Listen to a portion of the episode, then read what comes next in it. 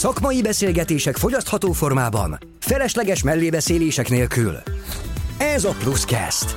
A Plus Creative Agency saját podcastje, ahol mindenki számára érthető módon beszélgetünk marketing és design alapokról, projektekről, a kreatív és médiaipar újdonságairól, híreiről. Do more, be more. Pluscast. Sziasztok, köszöntök minden kedves hallgatónkat, ez itt a Pluscast, a Plus Creative Agency saját szakmai podcastje. Én Simon Zoltán vagyok, és a mai adásunk témája rebranding, új identitás, új lehetőségek. Mai vendégem Szautás Zsolt, a hazánkban is hát igen jól ismert, sokak éjségét csillapító Foodóra marketing vezetője. Szia Zsolt! Sziasztok, üdvözlök mindenkit! Ugye adásunkban beszélgetni fogunk az idén májusban történt ö, teljes rebrandingről, ugye mi a Food Pandából lett ugye Foodóra, ö, illetve hát arról is fogunk beszélgetni, hogy milyen végigvinni egy brandváltást, milyen lépései vannak, és hát hogyan is lehet ennek a, a sikerességét egyáltalán mérni még mielőtt a bemutatkozással, illetve a te bemutatásoddal folytatnám, megragadnám a lehetőséget, hogy a kedves hallgatóink figyelmét felhívjam arra, hogy lehet minket ugye a különböző podcast felületeken követni, lájkolni, nyugodtan kommenteljetek, írjatok nekünk üzenetet, e-mailt, ugye a Plus Creative Agency weboldalán láthattok e-mail címet, mondjátok el a véleményeteket, adjatok témötleteket esetleg, és a Pluszkász főszerkesztője, Edina, biztosan meg fogja hallgatni a szavatokat, és akár úgy alakítjuk a további adásaink témáját. Na de nézzük is Zsolt, hogy akkor mit érdemes róla tudni. Ugye Zsolt tavaly november óta irányítja a Foodora marketing csapatát, és rögtön egy 8 országra, wow, azért az nem kevés, 8 országra kiterjedő rebrandinggel kezdett, amit karrierje legnagyobb szakmai kihívásának tart. A feladat azonban nem volt számára ismeretlen, ugyanis a futárcég előtt az Extreme Digital EMAG márkák összeolvasztásáért volt felelős, és volt korábban 15 évig az IKEA magyar és nemzetközi sales, valamint marketing csapataiban dolgozott, az utolsó két évben a magyarországi áruházak marketing vezetőjeként. A Foodora marketing igazgatójaként egy 16 fős csapatot ö, irányít. Fő feladata az új márkával a gyors, gyors kereskedelemben rejlő lehetőségek kiaknázása és azoknak fogyasztói csoport alapon való targetált kommunikálása. Zsolt szabad idejében futárkodni is szokott, imád a gyerekével lenni, de a crossfit is kikapcsolja. Komolyan szoktál futárkodni is tényleg?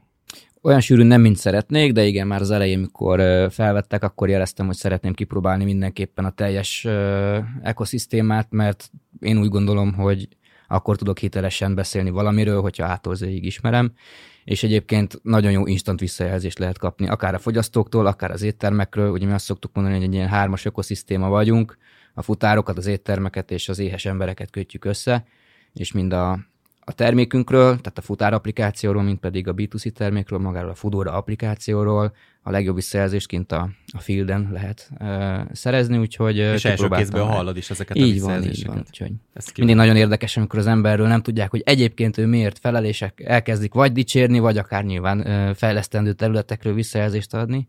Úgyhogy ez egy tök jó lehetőség. Mindenkinek ajánlom szakmától függetlenül, hogy tényleg a, a terméket élesbe próbálja ki, mert úgy hatékonyabban lehet róla mesélni, meg hitelesebb is szerintem. Hát ez nagyon menő. És nézzük is, miért, miért Foodora, miért pont most, és, és ugye ez már a többedik alkalom, ugye, hogy volt rebranding, illetve névváltás. Mi áll mögött? Hát a többedik az, az igen, a második. Tehát, hogy többet nem szeretnénk mi sem, azért nem, nem a hobbink lett a rebranding. Én, én két szenáriót szoktam felvezetni, amikor erről beszélgetünk. Az egyik az az, hogy lehet ezt nézni egy AB tesztnek is a márkákkal, majd mindjárt kifejtem, hogy miért. A másik pedig az, hogy gyakorlatilag az első startupként, vagy hát platform alapú cégként ment tőzsdére a Delivery Hero, ugye az anyavállalatunk, a, és nagyon fontos profitabilitási célokat is támasztott emiatt maga elé. Általában a startupokról szokták mondani, hogy 8-10 évig egészen nyugodtan lehet piaci növekedésről beszélni, addig investment fázis van, nem fontos annyira a profitabilitás, de mivel mi tőzsdére mentünk, ezért ez sokkal hatványozottabban megjelent, és ezáltal az egyik fő dolog, amit lehet nyerni, az, hogy egy nyolc országban működő cég, egyébként addig négy márkával működtünk együtt, hogyha egy márkára váltunk, nyilván sokkal hatékonyabban lehet akár marketing költségeket optimalizálni, erőforrásokat optimalizálni, tehát van a mögött egy nem titkolt üzleti szándék is. A másik oldal, amit mondtam, hogy AB teszt márkákkal, hogy amikor mi Foodpandára váltottunk netpincéről, akkor a Foodora márkanév az a skandináv országokban már működő brand volt, illetve az osztrák piacon Miamként, a cseh piacon pedig Dáme Idloként működött a Delivery Hero, tehát gyakorlatilag négy márka néven futottunk párhuzamosan, és meg lehetett nézni, hogy Európában mi az a brand attribútum készlet, amit az emberek magukénak tudnak érezni, mivel azonosulnak, ugye folyamatosan követtük a, a top of mind alakulását, azt, hogy egyébként mit társítanak a pandához, a food pandához, meg a többi márkához is, és az jött ki, hogy ha már egy névre kell váltani az előbb említett üzleti döntések miatt, akkor a Fudora a legeurópai, vagy az európai fülnek legkönnyebben pozícionálható uh, márka név. Tehát amikor sokan kérdezik, hogy miért nem a panda olyan cuki, lehet maszkotot Igen, rakni ezt én is hallottam már. Ugyanakkor a, ugye próbálunk platform-based üzletként mindig nagyon adat alapon dönteni, még akkor is, amikor ilyen érzelmileg töltött kérdésekben kell dönteni. Az jött ki, hogy bár tényleg cuki, de egyébként objektíven nézve a, a pandához, a, az Ázsiából érkező márkákhoz eleve kötődik egyfajta bizalmatlanság, annak ellenére, hogy ezt hogy pozícionálják. Másrészt meg távol áll, mindenki tudja, hogy nem európai eredetű maga a panda. Tehát mit a maszkot, amire mi azt hittük, hogy egy tök jó lehetőség, az bizonyos célközönségnél tényleg jól működött, de a nagy, nagy átlagnál nem érte el semmilyen változást, se pozitív, se negatív változást. És elkezdtük vizsgálni azt, hogy egyébként van-e jelentőség annak, hogy adott nyelven érthető a márkanév, vagy adott piacon fontos-e, és most rengeteg példát tudnék felhozni, ahol a márkanév vagy nem jelent semmit, vagy mozaik szóból áll össze, és nagyon sokan, akik egyébként korfogyasztók nem is értik, vagy nem tudják, hogy mi a márkanév mögötti sztori, sokkal inkább fontosabb, hogy milyen brand attribútumokat társítanak magához a márkához, és mivel a pandához való társítások nem nagyon változtak meg a netpincér után, a top of mind növekedett, tehát az egy mindenképp sikersztori volt, hogy gyakorlatilag három hónappal a netpincérről foodpandára váltás után már a top of mind nagyobb volt a foodpandának, mint a netpincérnek valaha. Marketing szakmailag az egy nagyon sikeres kampány volt, de márkaérték társítás nem történt, ugye arról is szólt maga a kampány, hogy a netpincér mostantól foodpanda, tehát gyakorlatilag próbáltuk meg nyugtatni a fogyasztóinkat, hogy ez ugyanaz a dolog, gyakorlatilag átszíneztük, meg fiatalosítottuk, de, de az a fajta átpozicionálás, mondjuk más célközönségek megszólítása ezáltal nem tudott megtörténni. Ezért is volt egyébként, hogy most mi a Fudóra elindításával nem is rebrand kommunikációba gondolkoztunk, nem mondtuk sehol azt a B2C kommunikációban, hogy ez miből lett, hanem gyakorlatilag egy brand launch kampány volt, és magát a kommunikációs platformot, ez a Mert Jól Esik platformot vezettük be, amihez társítottuk a Fudórát, de se TVC-ben, se kreatív contentben amúgy nem utaltunk már vissza a Foodpandára, és így ez egy tök jó összehasonlíthatósági alap, hogy a két különböző fajta rebranding közül melyik a hatékonyabb. Van a márka frissítés gyakorlatilag, ami mondjuk a Foodpanda esetében volt, meg van a tényleg teljes rebranding, amikor új név, új arculat, gyakorlatilag az applikáció meg az üzleti modell marad, de egy, egy tök új dolgot akarsz bevezetni. Uh-huh. Sokan szokták kérdezni egyébként, hogy érdemes-e félni uh, a rebrandingtől. Én azt mondom, hogy ha, ha csak egy márka frissítés van, attól semmiképp. Az előbb mondtam is, hogy három hónap alatt akár top of mind növekedés is elérhető az előző eredeti márkához képest. Amennyiben teljes átmárkázásról van szó, ott viszont nagyon megfontolt üzleti szándéknak és nagyon pontos KPI rendszernek kell mögötte lenni, hogy, hogy le lehessen követni, hogy egyáltalán tényleg ez működik-e. Azért látszik, hogy nem, nem egy légből kapott dolog volt az részletekről. Egyébként mennyi idő volt maga a háttérmunka? Gondolom, egy komoly költségvetése volt ennek, meg, meg, meg idő vonzata is, de hogy mennyi volt ez a háttérmunka? Onnantól fogva, hogy eldöntöttétek, és hogy elindult ez a kampány. Maga az ötlet már ugye régebb óta volt a levegőben. Én azt mondom, hogy novemberben kezdtem, akkor azt már tudtuk nagyjából, hogy valami történni fog, de hogy, hogy ez egy frissítés lesz, vagy átmárkázás, azt nem. Amikor először ez ki lett jelentve, hogy a Fudórára váltunk, az szerintem ilyen február. Uh-huh. Tehát volt. 22 február. Most 23, Most 23 február. február. Tehát uh, egy iszonyatos nagy munka volt mögötte mind a nyolc ország, és ugye két ügynökséggel dolgoztunk a Gáttal, uh, aki a, gyakorlatilag a kreatív koncepciót és megvalósítást hozta, ugye most nyitották az európai fiókjukat, és a Kotóval részükről is gyakorlatilag a briefelés időpontjától szerintem két hét telt el, mire már a, az első koncepciót láttuk. Ami a legnehezebb volt benne, hogy el akartuk kerülni azt a fajta központosítást, ami sok nagy márkánál egyébként visszahúzza a, a helyi piacokon való növekedési potenciált, hogy kihagyják belőle azt, hogy ez mitől lesz mondjuk magyar, vagy mitől lesz cseh, mitől fogják magukénak érezni akár ahol a, a norvégok, vagy a skandináv országban bárki, és ezért nagyon sok debrief session volt, már a kreatív koncepció kialakításától is, és az alapötlet egy olyan társadalmi insightra kellett épülni, ami mindenhol megvan. És onnantól kezdve már a kreatív koncepciót, hogy, hogy, hang, hogy hangolod a helyi piacra relevánsra, az már úgymond az egyszerű munka volt, de nagyon megfeszített tempó volt, szerintem egy olyan, ez egy máj, áprilisban történt meg az applikáció frissítés, egy olyan nettó három havi kőkemény munka volt, ez produkt oldalról, ugye fejlesztéseket igényelt, kommunikációs oldalról, számlázásról, tehát az egész szervezetet megmozgatta, mert a, a pénzügytől a logisztikán át a marketingig mindenkinek változást hozott. Kicsit fejtetére lett fordítva minden, de jó értelemben természetesen. Ami nekünk itt Magyarországon előny volt, hogy ugye az előző rebrand nem volt még olyan régen, akkor az csak Magyarország lépte meg, tehát akkor a többi Delivery Hero ország az eredeti márkáján maradt, csak frissültek. Ezért nekünk volt egy nagyon precízen összerakott, gyakorlatilag napra, akár órára lebontott timeplanünk, amit alapul tudtunk venni, és egyébként a, a többi országnak is jó benchmark volt, és erre rá lehetett húzni a, az egész EU-s folyamatot, tehát nem kellett teljesen nulláról kezdeni, de ettől függetlenül a végrehajtás, meg a, a koncepciók implementálása az, az nagyon komoly feladat volt mindenki számára. Tehát akkor itt volt, volt azért sprint, meg, meg nehézség, de egyébként meg sikeresen összehoztátok, és, és elindult az egész. Picit távolabbról nézve, ugye a magát a rebranding dolgokat, és nem konkrétan ugye, hogy a Foodpandában lett Foodóra, mik lehetnek a leggyakoribb kihívások, vagy buktatók, amelyekkel egy vállalatnak szembe kell néznie, hogyha egy rebranding folyamatról beszélünk? Amit én látok a piacról, átmárkázásokról, meg amiket én megéltem, azt gondolom, hogy a, az első lépésnek mindenképp nagyon konkrét adatokon kell alapulnia, és nem érzelmi alapon.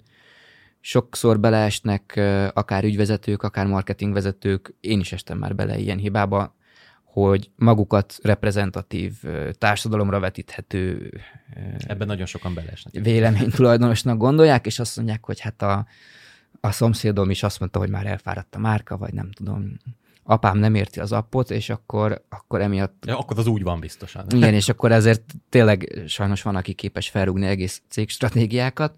Tehát az elsődleges dolog az az, hogy adatok alapján szülessen meg az a döntés, hogy erre szükség van, mert brandmutatók esnek, csökken a top of mind, a versenytárs nagyon erősen nyer piacot, és nem azért, mert mondjuk a termékem rosszabb, hanem kutatással alátámasztható az, hogy szerethetőbbnek érzik a másik márkát, vagy akár azért, mert ö, olyan termékfejlesztéseket igényel a jelenlegi üzletmenet, amihez kell egy, egy tiszta lap, és teljesen újraindulni, egyszerűbb, mint patchworkölni a már meglévőt. Tehát ilyen, ilyen esetekben szerintem jó döntés is kell is a rebrand, de pusztán érzelmi alapon ö, és megint elkülöníteném azt, amit az előbb mondtam, hogy rebrand vagy, vagy márka frissítés.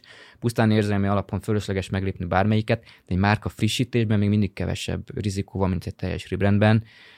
Automárkáknál szoktuk azt látni, hogy időközönként ugye a ráncfelvarrással együtt akár logót Most az utóbbi két évben elég sokan ezt csinálták. Logót cserélés, ugye, stilizáltabb logók, egyszerűsített szlogenek, úgyhogy... Ugye nyilván a médiafogyasztással az ízlésvilág is változik, ezeket leg, stilisztikailag akár a fontok változnak.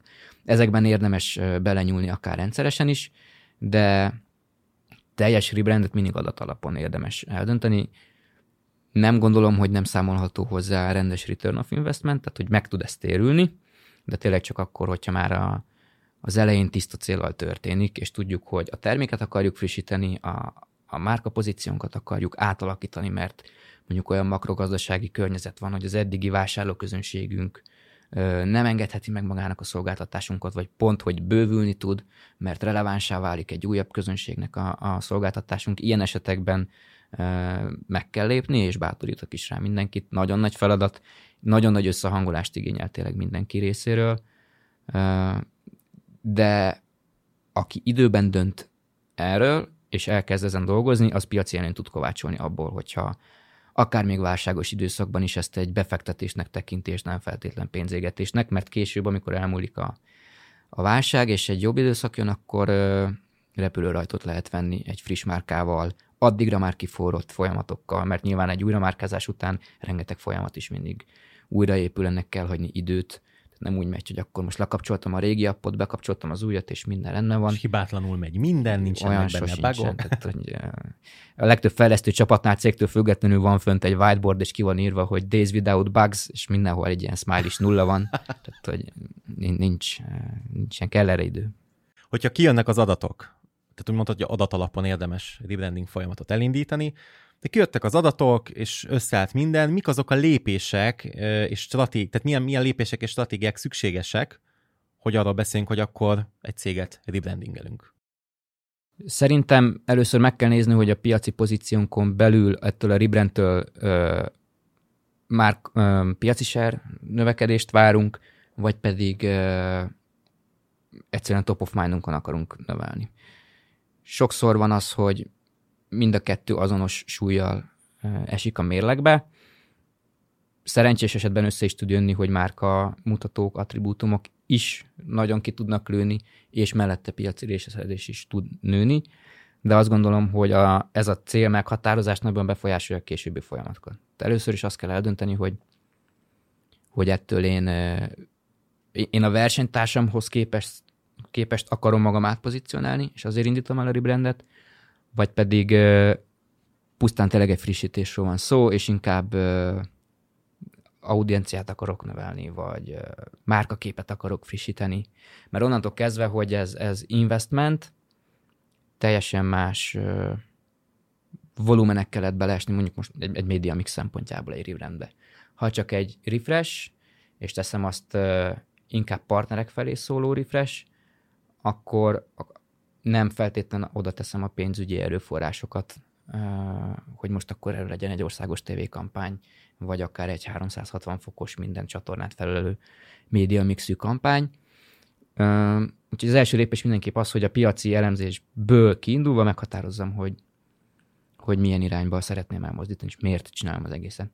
Utána nyilván érdemes egyrészt márkakutatást csinálni, tehát hogy versenytársainkhoz képest milyen attribútumokban vagyok erős, mert azt mindenképp szeretném megtartani. Tehát mindenképp kell a versenytársakat elemezni.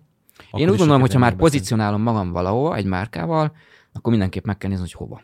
Mi az én erősségem az emberek De akkor már az szemében. új brand, új jövőbeli brandünk ö, tekintetéből? Tehát, hogy az legyen a benchmark alap? Igen, tehát meg tudod mondani azt, hogy most mibe vagy jó. Azt nem akarod elveszíteni, mert valamiért most szeretetek korközönséged, azoknak meg kell maradnia. Viszont valamiért át akarod magad pozícionálni, mert úgy gondolod, hogy van olyan potenciál a piacban, amit most nem érsz el, de a versenytársaid elérhetnek, akkor meg kell nézni, hogy a versenytársaid azt hogy érik el.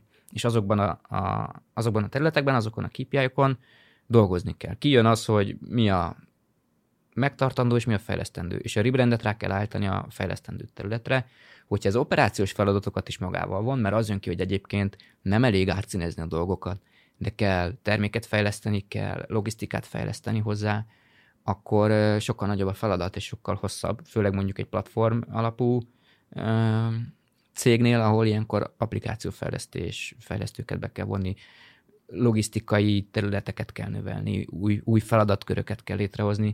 Tehát innentől ez már is egy sokkal mélyebb rebrand és teljes cég átstruktúrálás, aminek amúgy csak egy eszköze lesz a rebrand a sok másik eszköz mellett hogyha megvan ez a fajta kutatás, szerintem ebből tudunk, ez az egyik olyan objektív iránymutató, amiből meg tudjuk határozni azt, hogy mi igazából miben is akarunk fejlődni, mert utána már a kreatív briefet ez alapján lehet megcsinálni, hogy, hogy én szeretném, hogyha engem igenis úgy pozícionálnának, hogy nem mainstream vagyok, hanem bizonyos kisebb rétegeket is el akarok érni. Most mondtam csak egy példát, de nyilván több irányból motivált rebranding van, tehát mindig, mindig meg kell határozni egy, egyfajta pozíciót. Például van olyan is, amikor valakit túl drágának pozícionálnak. Tehát olyan percepciója van, hogy ő szeretne mainstream lenni, de valamiért exkluzívnak hat.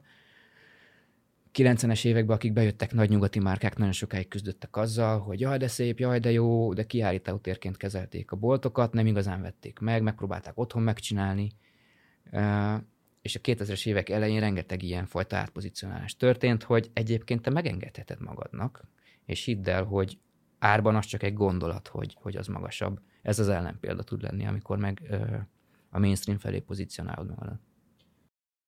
Ugye mondtad, hogy van olyan eset, amikor mondjuk ez, a, ez hogy drágábbra pozícionál magát egy cég vagy egy márka, érheti hátrány azt az adott márkát egy rebranding folyamat végén?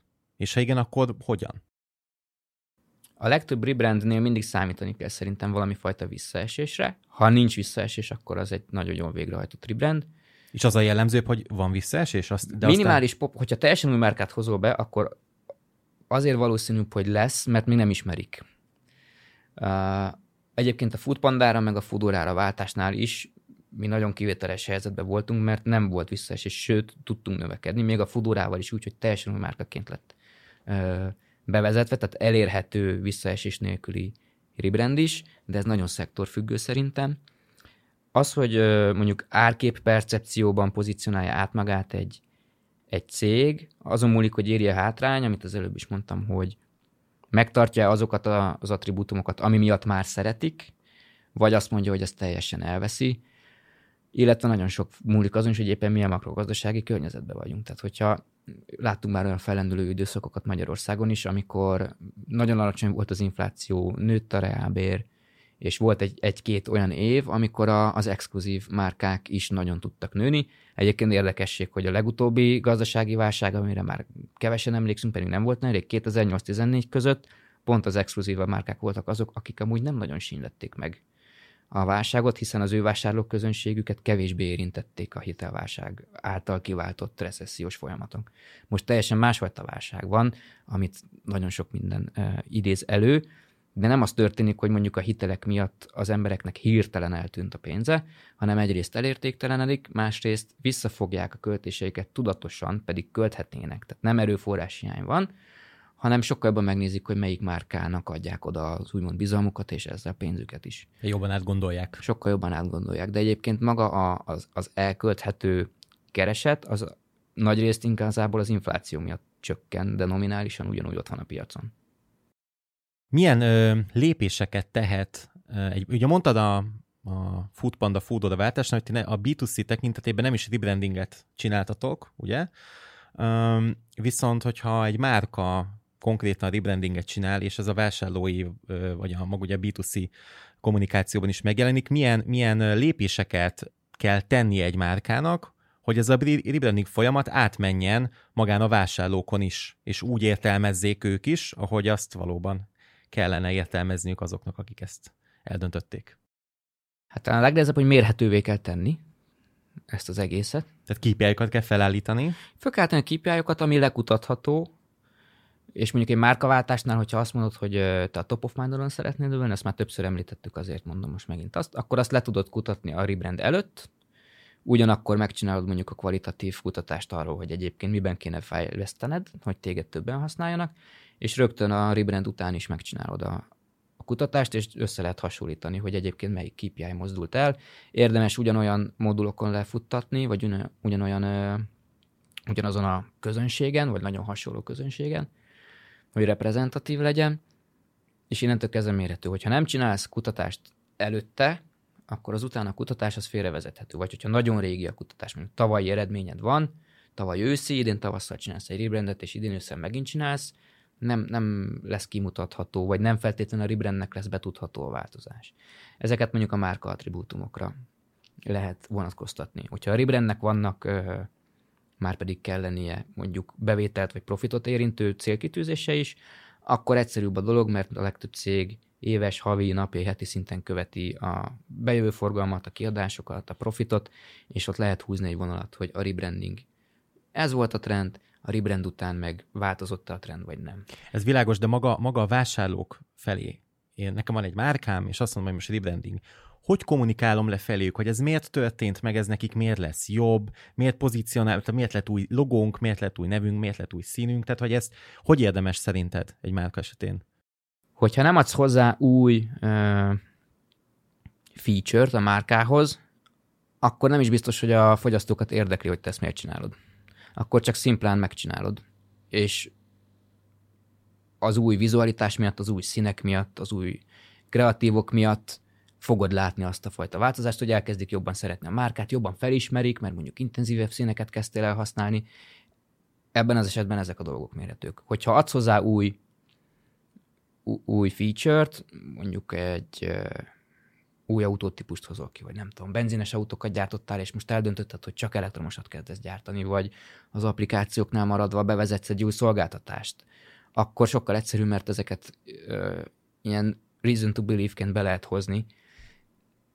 Hogyha, hogyha nincs ilyen, akkor szerintem fölösleges megerőszakolni a rebrandet, hogy, hogy elmagyarázd, akkor egyszerűen csak meg kell csinálni úgy, hogy kecsi legyen, le tudod kutatni, mi az, amire mostanában ugranak, mi az, ami fölkelti a figyelmet, mi az, ami miatt ő azt saját magának kezdi el ér, érezni. Nagyon sok olyan rebrand történik, ahol csak egy kommunikációs rebrand van, a márkaképpen minimálisan változtatnak, de kommunikációban addig mondjuk nagyon tranzakcionális üzeneteket használtak, csak az akciók, mondjuk kereskedelmi márkáknál a legjellemzőbb ez, 50% most a heti kupon, és egyszer csak azt mondják, hogy ők kommunikációs fókuszban rebrandelnek, és elkezdenek élethelyzetekben kommunikálni, nincs árkép, nem azért akarom, hogy megvedd a termékemet, mert most 400 forintba kerül, hanem azért, mert tudom, hogy te kötöd ehhez a termékhez mondjuk a, a szombat délutánodat. Élelmiszermárkáknál lehet ez tök jól, mondjuk a, a kóla csinálta ezt, hogy csomó ideig ugye ment nekik is a, a az árkommunikáció, és most már több mint tíz éve csak a love brand építés van, gyakorlatilag olyan élethelyzeteket hoznak be, amivel tud mindenki azonosulni.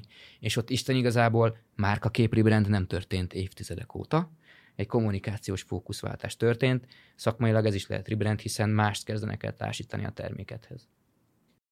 Megvan egyébként annak a veszélye, hogy ö, van egy márka, nagyon jó eléréssel, és azt mondják, hogy átcsinálunk egy rebrandet, hogy veszít vásárlókat elveszíti a célközönségenek egy részét, 10%-et, 20%-et, teljesen mennyit. Uh, és hogyha megvan ennek a veszi, akkor mi állhat emögött, hogyha mondjuk ilyen történik egy márka esetén, hogy veszít a piacából? Szerintem, hogyha a kommunikációs csatornákban, média mixben, azokban az eszetekben, amit az addig használt, nem változtat, és tényleg csak vizuális rebrand történik, akkor ennek a veszély ez nagyon minimális. Akkor van lehetőség vesztésre, hogyha teljesen új márka alakul ki, amit nem kötnek össze a vevők az előző márkával. Van egy biztonságos út, amikor mindenképpen elülteted az emberek fejében, hogy miből lettem, és most már ez vagyok, tehát hogy biztos, hogy a meglévő közönségedet ne veszítsd el, és amikor már elég magas az új márka képnek, vagy a márkának a top of mindja, akkor egy második hullámos rebrand, ilyen több hullámos rebrandnek esetén elkezded elültetni az új feature-öket, megbízhatóbb lettem, jobb lett az ügyfélszolgálatom, olcsóbb lettem, akármi, amit egyébként te szeretnéd, hogy társítsanak az új márkához. Ez egy hosszabb, de mindenképpen biztonságosabb út, mert a, az eredeti márka célközönsége nem sérül, hiszen azt ültetted el fél évig, egy évig a fejében, hogy te most ugyanaz vagy, csak mégsem más lett a neved. Szokták ezt mondani, hogy férhez mentem.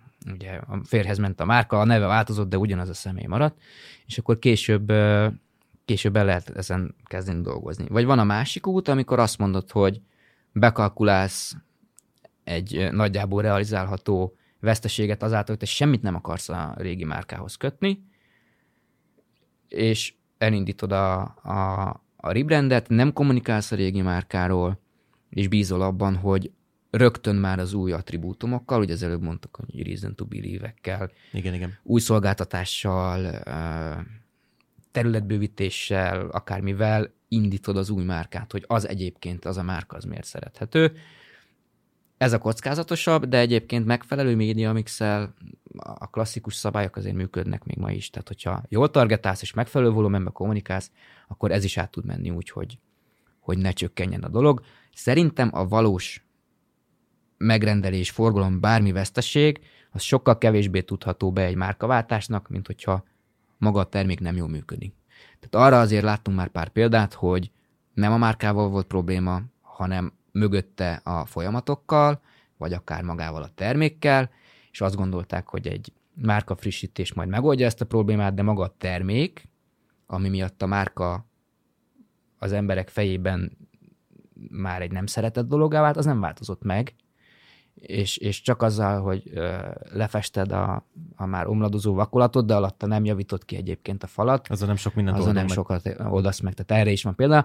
Én azt látom, hogy azok a ribrendek, amik sikertelenek lesznek, ott leginkább az a probléma, hogy előtte a, az operációs folyamatok nem lettek rendbe rakva, hanem rárakták a rebrandet, hogy az majd megoldja, és igazándiból a, a probléma gyökere nem lett kezelve. Ha csak egyetlen egy tippet kellene adnod a vállalatok, márkák számára, hogy mi az az egy dolog, amire nagyon kifejezetten figyeljenek egy rebranding folyamatkor, akkor mi lenne az? Ha csak egyet kellene mondani. Ez lehet egy lépés, egy, egy, egy strat, bár, bármi, bármi lehet. A megfelelő kommunikációs flow a csapatokon belül. A magán a, a vállalaton belül? A, akik dolgoznak a rebranden. Tehát, hogy nekünk, a, ami, ami ilyen nagyon nagy tanulság volt az előzőből is, és most is nem tettek könnyűvé, mert nehéz volt, de sokkal könnyebbé tette, mint amilyen lehetett volna, az az volt, hogy az úgynevezett workstreamek nagyon pontosan letisztázott felelősségi körrel, meghatározott időközönként ültek le, és adták át egymásnak az információt, és így elkerülhető volt az, hogy valamelyik csapat, valamelyik terület információhiányban lassabban haladjon, döntésképtelenné váljon, vagy, vagy akár másik irányba menjen el. Hogy nem, nem tudsz eleget kommunikálni belül, viszont az se jó, hogy mindent leírsz e-mailben 28 ezer címzettel, 44 Slack csatornával. Ismerős. Tehát szerintem az a fajta, az a fajta tervezési folyamat, ami a, a belső kommunikációt, információ átadást, döntési pontokat és időpontokat meghatározza, annak előre kész kell legyen az egész folyamatra. Tehát, hogy tudod, hogy 8 hetet adsz magadnak a végrehajtásra, akkor annak a 8 hétnek minden egyes napját kommunikációs csapaton, vagy a kommunikációs szempontból meg kell tervezni. Mikor, ki, kinek, milyen infót ad át, és mikor vannak azok a döntési pontok, amikor az addig fölmerült, vagy feljövő kérdéseket letisztázátok, és lehet tovább menni, mert sokszor a kapkodás is egyébként hátráltatja a dolgokat, hogy ja, csak odaszaladok a Bélához, megkérdezem, hogy egyébként most itt elakadtam, ez jó-e? Érdemesebb összedönteni vagy összegyűjteni azokat a kérdéseket, amik nem állítják meg a folyamatot, de még egy-két napot, és azokat egy-egy ilyen dedikált 25-30 perces sprint meetingben letisztázni, mert akkor, akkor nincs káosz érzése senkinek, és mindenki úgy van vele, hogy jó, meg volt a döntési pont, most tudom, hogy két napig tudok haladni, és két nap múlva lesz egy catch-up meeting, és akkor ott státuszolunk, megyünk tovább. Tehát ez, ez a fajta info flow, ez muszáj. És minden egyes workstream benne kell legyen a HR-től kezdve a logisztikán át, nyilván cégfüggő, hogy milyen területekből áll, de azért a, a nagy többség az, az tartalmazza a, főbb területeken. Minden, minden területről legyen ott egy ember, aki, aki döntéshozó, vagy hogyha nem ő döntéshozó, akkor direkt kontaktja van a döntéshozóval. Szerintem ez, tehát a belső kommunikációs folyamat megtervezése majdnem, hogy fontosabb, mint bármi más, mert Hát, hogyha motorház alatt nincs rendben minden, akkor meg az autó akkor se fog rendesen működni. Nem a fényezéssel kezdjük az autógyártással. Így, pedig egyébként sajnos sokan ezzel kezdik, hogy tényleg csinálják egy csili új arculatot, de a háttérfolyamatok meg nincsenek lefixelve rendesen. Hát Zsolt, nagyon szépen köszönöm, hogy tudtam veled beszélgetni itt a rebrandingről, és hát köszönöm, hogy elfogadtad a meghívásunkat, és, és, és hozzájárultál, hogy egy újabb Super Pluscast adásunk legyen, úgyhogy köszi. Én is köszönöm, sziasztok! Ne felejtsetek el követni minket, rétingelni, valamint várjuk kommentjeiteket, és ha szeretnétek értesülni következő adásainkról, iratkozzatok fel podcast felületénken és a YouTube-on. Sziasztok!